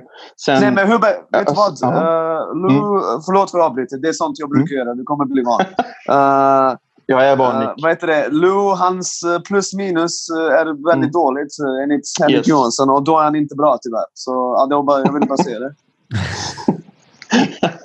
ja, eh, inget får mig att... Eh, alltså, Lou, när jag såg hans game winner live från plan så inget kan ändra mig om honom. Sorry. Alltså plus minus det spelar ingen roll. Net rating då?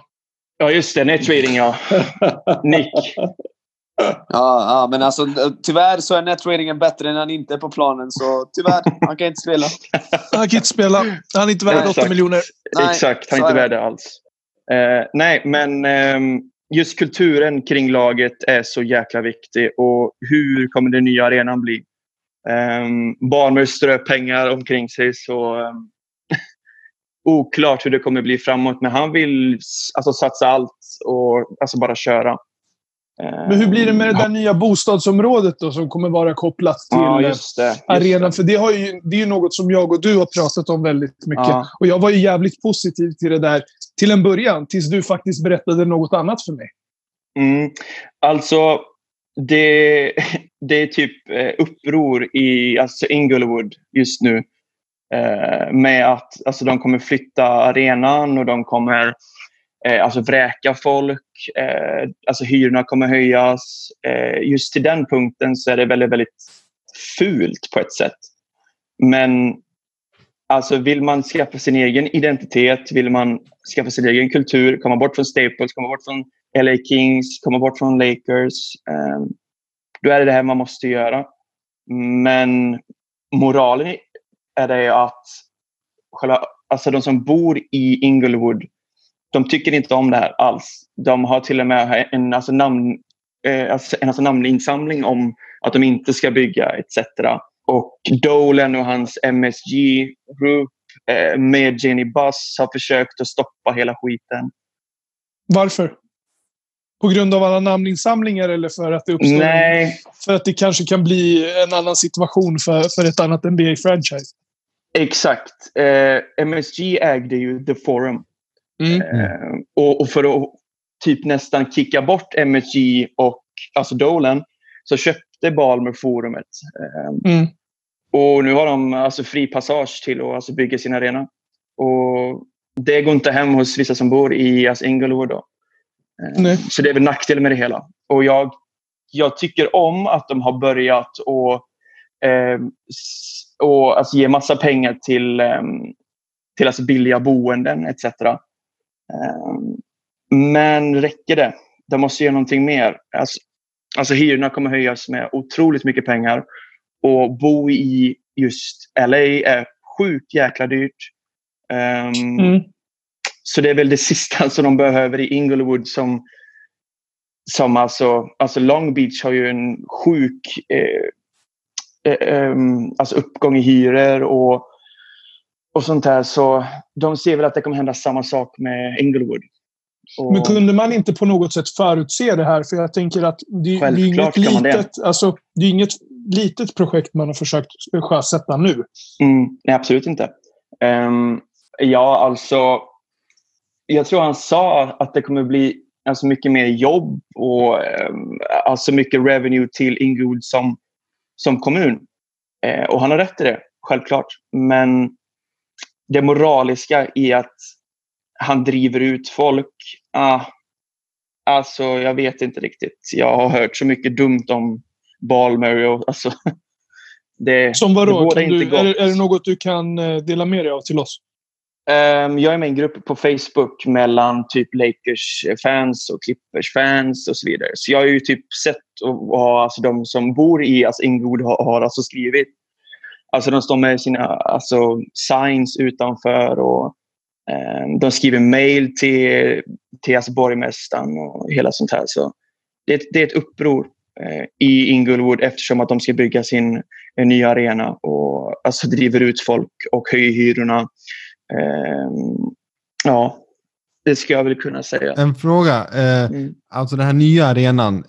Har jag mm. fattat det rätt att den ska inte byggas där The Forum är idag? Nej, precis. precis. Det är den ska typ, byggas på en typ annan plats? tre kilometer bort. Tre ja, kilometer bort. Vad ska Balmer göra med The Forum då? Eh, det ska fortsätta vara en... Ja, precis. Det ska fortsätta vara med, med konserter, du vet, okay. eh, monster trucks, you name it. Um, så problemet ligger egentligen i att han ska liksom skövla någonting annat för att bygga sin arena. Ja, eller gentrification skulle man kunna säga. Ja. Mm, Och det här påminner jättemycket om eh, samma problematik som var i Brooklyn när Prokhorov tog Mhm. över. Han gjorde ju exakt Mm. samma sak. Det är ju jättemånga bostäder kopplade till arenan i Brooklyn. Mm. Eh, och jag vet att det var jättemånga upprörda i Brooklyn då också. Det här gentrification är ett jättestort problem i... Mm. Har vi något svenskt begrepp? Jag får ju alltid ha... Gentrifiering. Ja, ja, det är så enkelt alltså. Så enkelt Ja. Gentrifiering. Ja, precis. Ehm, och det var ju precis samma sak de har gjort där under längre tid, men också Prokhorov eh, bidrog ju till det med arenan och de bostäder kopplade till den. Mm. För att det som händer när man också bygger en arena, eller i alla fall det som hände där i Brooklyn var ju att det gör ju det mer attraktivt överlag, vilket bidrar till att andra fastighetsägare och så vidare känner, ja ah, men vadå? Det här är ju ett jättenice område. Här ska Mm. hyrorna upp och så vidare. och så vidare. Precis. Det vet jag var ett jättestort problem i Brooklyn. Eh, där. Och han, han smällde upp jättemycket. Det var ju många som hävdade egentligen att Prokhorov tog över eh, Brooklyn framför allt för att fortsätta ge sig in på um, bostadsmarknaden. Liksom. Att det är, det, Mm. det är det han ville åt egentligen. Hade han inte något där också med han ryssen som eh, tog över Monaco också? Jo, de har väl haft någon, jag, vet, jag, vet inte, jag vet vem du syftar på. Han som, Mm. exakt. Men jag, Vars, vet inte, jag, jag vet att han hade någon så här lägenhet eh, Mm. precis vid Central Park. Och mm, mm, Han hade nog också några några investeringar där tillsammans med ja, den här ryssen då som hade eh, Brooklyn Nets. Exakt. Men alltså det är typ likadant med Clippers. Eh, Mm. Jag vet att alltså, Balmer la 75 miljoner på att alltså, bygga bostäder, billiga bostäder nu när de kommer att alltså, höja hyrorna. Och det är ju skit, alltså, skitbra liksom. Men ehm, räcker det undrar jag. Ehm, det är det som är frågan. Eh, för alltså det är hela, alltså Inglewood kommer ju hyran stiga och det kommer bli så attraktivt som du säger. Mm. Eh, och bo där och vara där och leva där. Och, alltså det kommer komma nya restauranger, det kommer komma Precis. jättemycket saker. Eh, Mm. Men han har ju verkligen alltså, försökt. För alltså, Balmer är ju som sagt sjukt tät. Ehm, Mm. Ja. Och, och liksom, 74,3 miljarder US dollar net Ja. worth. det är riktigt sjukt. Eh, Men, Men men, det är ju helst, ändå, alltså, uppenbarligen är det ju faktiskt så som Dr Dre och Tupac säger i California Love. Inglewood always up to no good. Mm. Mhm. ja, alltså det är jäkligt trevligt Inglewood. Det är, alltså, det är inte dåligt alls. Jag, alltså, jag gillar Inglewood. Ehm, det är sjukt trevligt. Men ehm, som sagt, 75 miljoner till alltså, nya bostäder eh, som är i rimlig prisnivå. Och rimlig prisnivå i LA, det vill ni inte ens veta vad det, vad det är Nej, är det är jävligt högt. Har du några, du, du som har varit eh, on the field, liksom, har du några, vad, vad är det? Vad får man betala i LA? Eh, min första lägenhet som jag hade var uppe i West Hollywood. Ja. Ehm, Nära UCLA, eller? Ja, inte jättenära. Det var typ lite några kilometer från eh, alltså Beverly Hills-ish. Mm. Mhm. Mm. Så det var åt fel håll. Liksom. Eh, men eh, vi betalade typ 2800 dollar eh, för en tvåa. Nej, trea var det. Eh, Ja, det är... Det är alltså Ja, det är i liksom alltså dagens 30 000 penningvärde ish. ungefär så, ja, knappt 30 000 kronor i månaden i hyra. ja, det är stökigt. och Men hörru, Hubbe, till fan- Venice, du. Så, ehm, alltså, det var det på 3800 dollar istället. Eh, så, Ja, Ja. Dyrt med andra ord. Men jag tänkte bara Dyrt. fråga dig, för eh, innan vi klev in i podden så läste jag på Twitter om att eh, alla professionella liksom, sportsfranchises i LA mm, mm. eh, hade gått ihop i något som, det kall- som kallas för The Alliance. Ja, men det stämmer. Det Ja. stämmer. Och, och det, det är ju då att eh, alla de här franchisen ska, ska gå ihop och arbeta eh, för att motverka liksom, eh, social injustices, vad, vad blir det? Mm. Sociala orättvisor och liknande. Mm. Är, är det liksom en ny skrud som har kommit med, med, eh, vad heter han, med Balmer? Att eh, Clippers tar ett mer eller ett större ansvar rent socialt i Los Angeles? Eller tror du att det alltså är en rak effekt av, eh, av klimatet som råder nu? Ehm, Det är nog inte Balmers, eh, skulle jag inte kunna säga. Det är nog eftersom att det är inne på tapeten nu, mm. tror jag. Men alltså Balmer har ju sen han, var det tre år sedan nu tror jag, då, då eh, alltså renoverade han eh, alltså, alltså baskethallar och eh, alltså basketplaner i, i hela LA. Liksom. Mm. Eh, så han försöker ju i alla fall att alltså, bygga ett varumärke samtidigt som han försöker hjälpa ungdomar. Um, så alltså, det finns ju alltså, Clippers korgar liksom överallt i hela LA. Alltså, alltså, mm. typ och, alltså, Clippers plan överallt. Um, så det tycker jag är skitbra. Um, så mm, alltså, han försöker ju och han har ju alltså, cash nog för det, verkar det mm. som. Um, men det är nog eftersom alltså som det är just nu så gick ju alla ihop då och jag tror de säljer tröjor och grejer, har jag för mig. Jag är inte hundra. Um, men något sånt var det i alla fall. Ja, men skönt att, att de i alla fall tar något form av socialt ansvar, speciellt med tanke på att de gentrifierar hela Inglewood. Ja, och alltså historien med, med Sterling och alltihopa är ju horribel. Um, mm. Så alltså det måste ju göras för att alltså bygga ett varumärke också. Det får man ju tänka mm. på. Um, men han verkar vara god den gubben. Jag känner att det är lite, lä lite läge att avsluta klippersegmentet. Jag måste bara säga det, hur god Steve Ballmer än är så 74,3 miljarder US dollar drar inte ihop eh, hur som helst. Och tyvärr, nu är jag en cyniker, men eh, för någon som har 74,3 miljarder dollar så brukar mm. den sista linjen i bokslutet vara rätt intressant. Mm. Eh, han vill säkert göra ett och annat gott, men jag tror också att han, han är inte beredd att, att låta de pengar han har dragit ihop eh, bara rinna ut i vattnet. så liksom. Självklart, Han är förmodligen självklart. intresserad av att få, in, få tillbaka dem. Vad han nu ska med 100 miljarder dollar till, det vet inte jag. Men eh, vi avslutar Clippers där och så går vi till hot takes. Hubbe bad egentligen att få börja, men du har i princip redan kört en hot take om hela Clippers. så Nick får ta första hot take idag. kan någon annan ta det? Snälla. Jag, tar, jag kan ah, ta okay. som nummer jag två. En... Jag kan ta som nummer två efter Stefan. Ah, jag tar hela 20-talet eh, och kommer att handla om Luka Doncic mot John Morant. Det kommer bli en större duell än någonting annat. Nej. Köper inte. nej. Allt är ja, men det, mm, det, är min, det, är min, det är min hot take. Nej, alltså jag menar inte att jag inte köper att du har den. Jag menar att nej, det kommer inte alls hända. Jag tror inte det.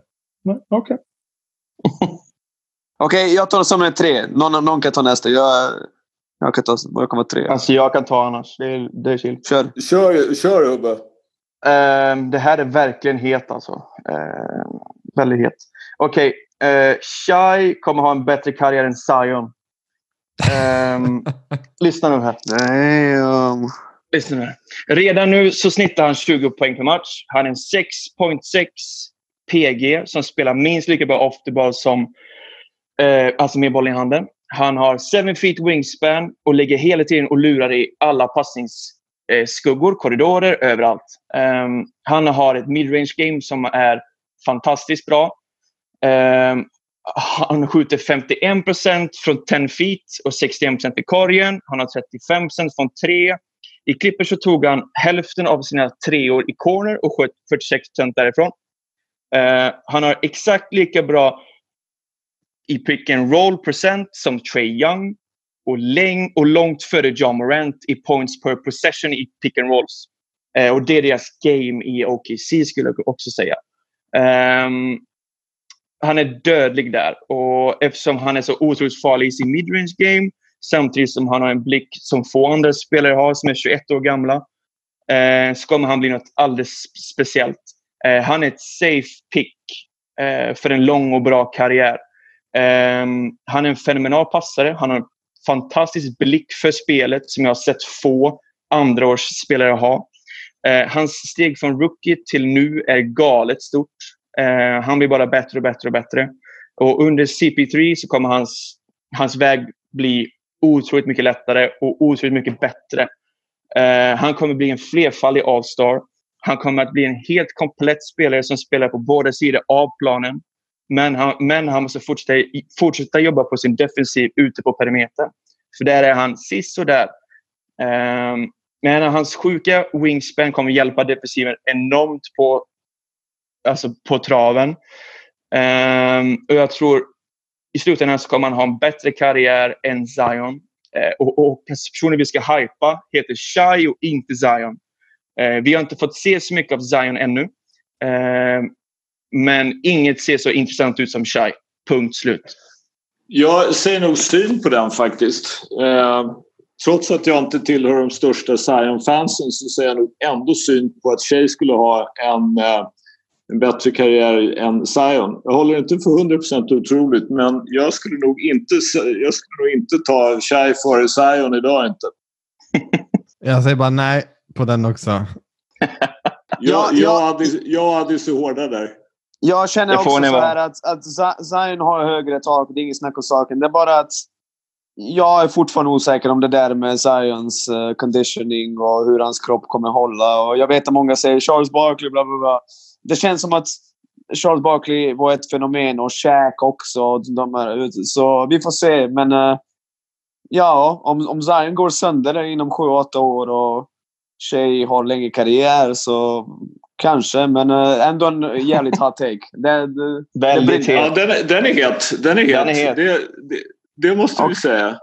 Okej, okay, jag har min hot take och det är att Ben Simmons aldrig kommer sätta två raka treor. Nej men alltså jag är fortfarande väldigt irriterad över det där med Ben Simmons. Jag kan inte släppa det. är det enda jag tänker på. Och nästa avsnitt tycker jag vi ska fortsätta när det här Johansson är tillbaka. Uh, det kan vi göra. Jag vet inte hur ni tänkte där. Ge en tioårskontrakt. Alltså, då kan man lika väl ge ett tioårskontrakt till typ, uh, jag vet inte. Uh, alltså, ja. Carl Anthony Towns kanske? Ja, varför inte? Eh, Wiggins, ge det till Wiggins medan vi är där. Liksom. Åh herregud, oh att du ens jämför dem.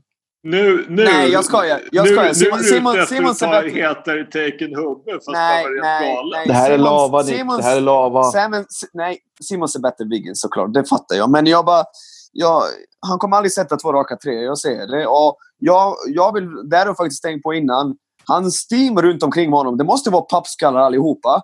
För hade han haft riktigt bra rådgivare, då hade de sagt till honom första säsongen, skjut dem. Skjut dem, spelar ingen roll om du skjuter 15 procent, bara få upp dem. Det, det, är så otroligt viktigt för ens effektivitet att, de, att försvaret ska veta att du vågar skjuta. Du behöver inte ens vara liksom en 35-40 procentig skytt. Bara få upp dem så, liksom, så folk ja, inte står under korgen när försvarar dig.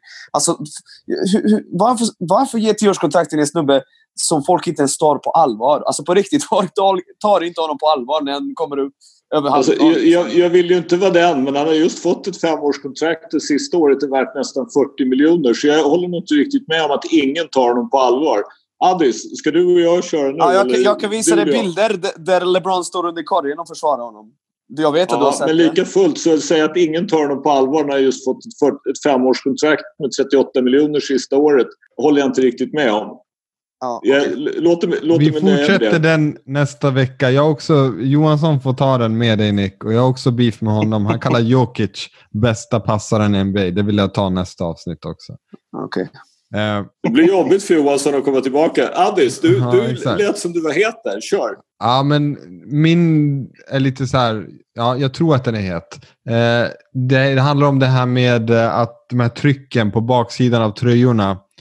Eh, som ni vet så har ju NBA tillåtit nu inför playoffs att spelarna kan ha något form av eh, liksom budskap gällande sociala orättvisor, eller mot sociala orättvisor ska jag säga.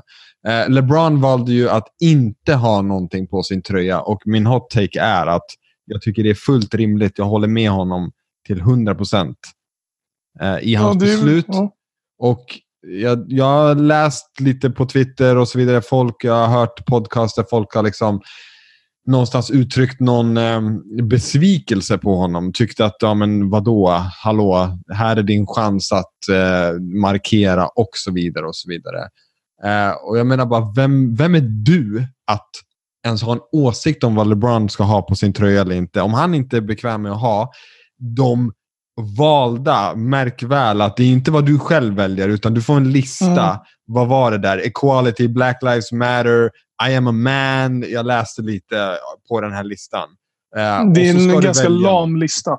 Lam. Den är riktigt lam. Den är ju, det känns ju nästan som att den är liksom perfekt för marknadsföring. Det här är ju Ja, ja. woke-washing på högsta nivå när man ska liksom kapitalisera på sociala orättvisor och så vidare.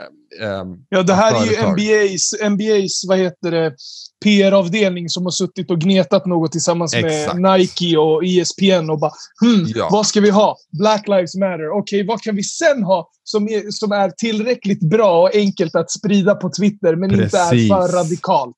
Okej, Eh, så vi ska inte ha. Breonna Taylor. Ja, eh, alltså, man, exakt. det, det, var, det är så himla lamt tycker jag och eh, därför så förstår jag. Sen är det inte precis som, för jag såg LeBron sa också att har man valt att ha det, det, är, det här är ingenting mot dem. Alltså fine, Nej, nej. väljer du att ha det, kör på. Eh, by all means. Men jag tycker inte att man ska rikta kritik mot LeBron för att han väljer att inte ha det. Han, han förklarar ju också och säger att jag fick inte vara med i processen kring de här. Eh, fullt rimligt, tycker jag. Det är min hot take. Den är hot för en stor del av Amerika i alla fall, kan jag tänka mig. Den är rimlig, Addis. Jag tror att den är mindre hot för oss, för jag håller också med. Jag, Mm. jag köper den. Jag köper den rakt av. Ja, men du, du har haft mycket hetare takes, men det kanske är bra att du, vet, du varvar ner en vecka. Jag, jag förstår det. Tog, tog en rimlig take. Det var nästan så där så att du var på väg att säga... Nick satt och hoppades på att du skulle säga att LeBron var överskattad. Men det, det gick inte dit. Det var ju på sätt och vis bra det då. Så, det är alltså jag som får gå sist då på Hot Takes. Och den är lite grann tar sin utgångspunkt i att vi hade avgående generalsekreteraren för Svenska Basketbollförbundet Johan Stark som deltagare i podden förra veckan och då pratade vi om någonting som man på idrottssvenska nu kallar för trygg idrott, det vill säga att barn och ungdomar ska kunna känna sig trygga, de ska inte råka ut för någon form av trakasserier eller sexuellt utnyttjande eller vad det nu månde vara för någonting utan det ska helt enkelt vara roligt och utvecklande att hålla på med idrott. Samtidigt så av någon konstig anledning, för jag hade någon sån här vag plan att jag kanske skulle ha en hot take om LaMelo Ball.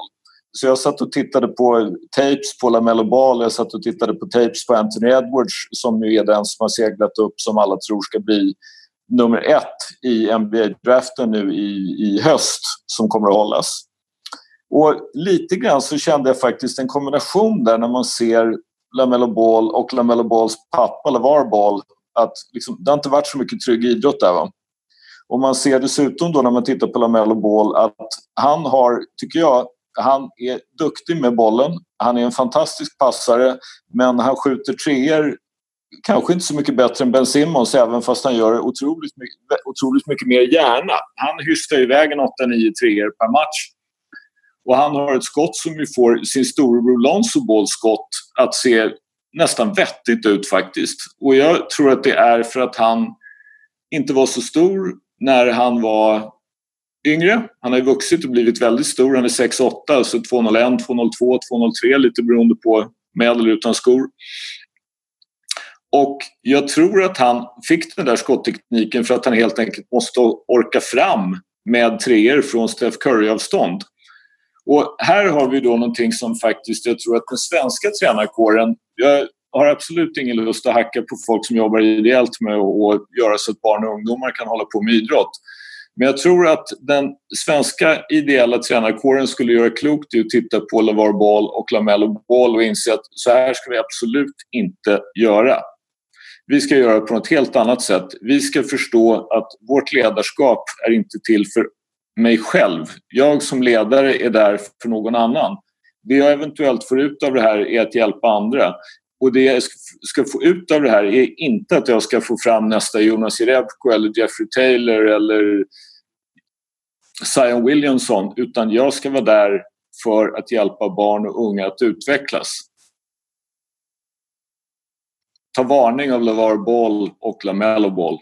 Bli Men inte som dem. Vad är hot-taken? Jag får- Kan du sammanfatta?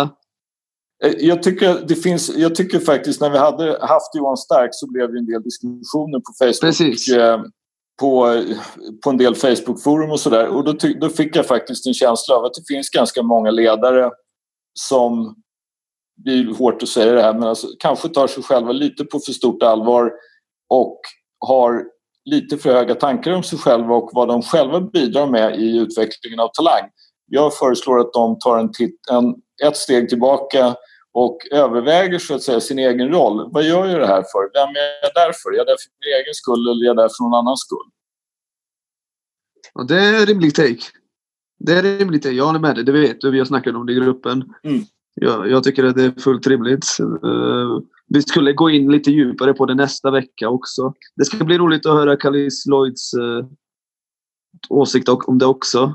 Uh, Precis, ja, för där, avslöj, där avslöjade Nick det att nästa vecka så kommer vi att ha ännu en, ännu en gäst hos oss. Och den här gången då så blir det Kalis Lloyd från, som är ju då svensk landslagsspelare och har avbrutit, fick avbryta säsongen där hon spelade i Spanien och kom hem till Malmö och bland annat jobbade på sjukhus. Så det är ingen, ingen vanlig landslagsspelare som vi kommer att gästas av. Det ska bli fantastiskt roligt att få hit Kalis Lloyd. Eh, det känns väl som att det är ganska bra läge att avsluta där, eller vad säger vi?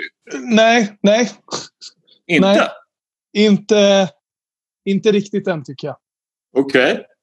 För eh, jag vill faktiskt berätta en sak. Okej. Okay. Det var något som hände mig i fredags. Som jag känner att jag vill eh, lyfta i podden. Du fick visa lägg på bolaget.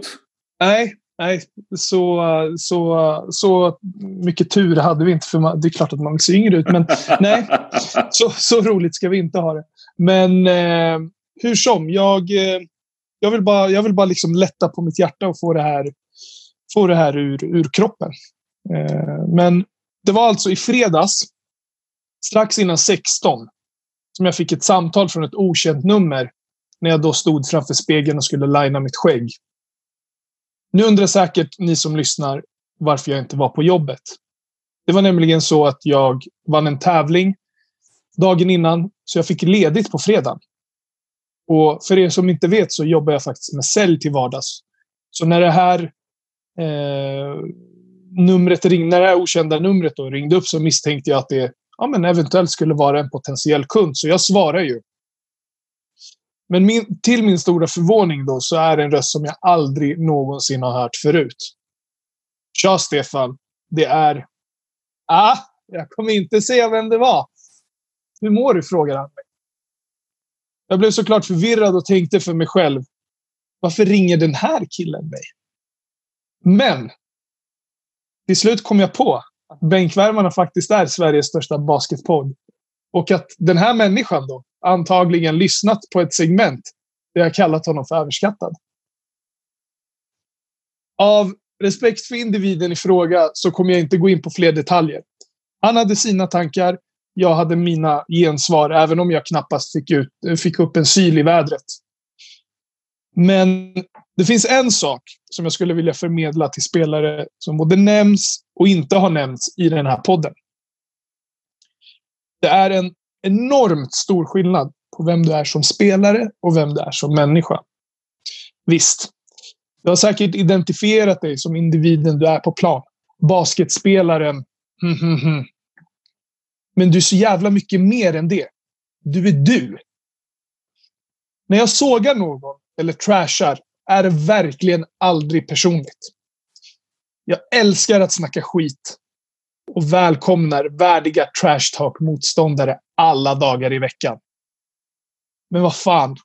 Så, sitt inte där och tyck synd om dig själv för att någon som jag ger en tumme i revbenen. Det finns så många andra, mer hemska saker som händer där ute. Värre saker som du kommer att höra och ännu värre saker som du kommer att uppleva i ditt liv. För det är så det är. Det jag säger är enbart ord som kommer ut ur min mun.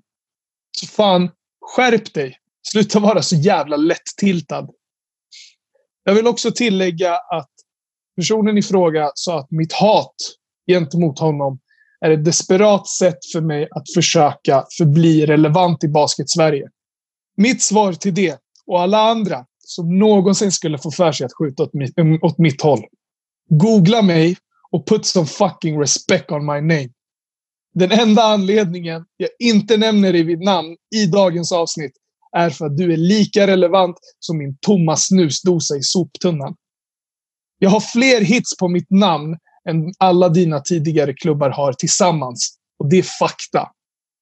Med det sagt så önskar jag självklart dig och laget du spelar för nästa säsong. Lycka till framöver. Kör hårt, tänk mindre på mig och lev ditt bästa liv. Slut. Lät ju som en bra avslutning, men jag vill som sagt påminna om att det är inte utan stolthet och glädje som vi då kommer att gästas av Kalis Lloyd nästa vecka. Det ska bli oss ett sant nöje. Bänkvärmarna säger hej då med dussinet fullt. Ha det bra! Hej då! Ciao! Ciao!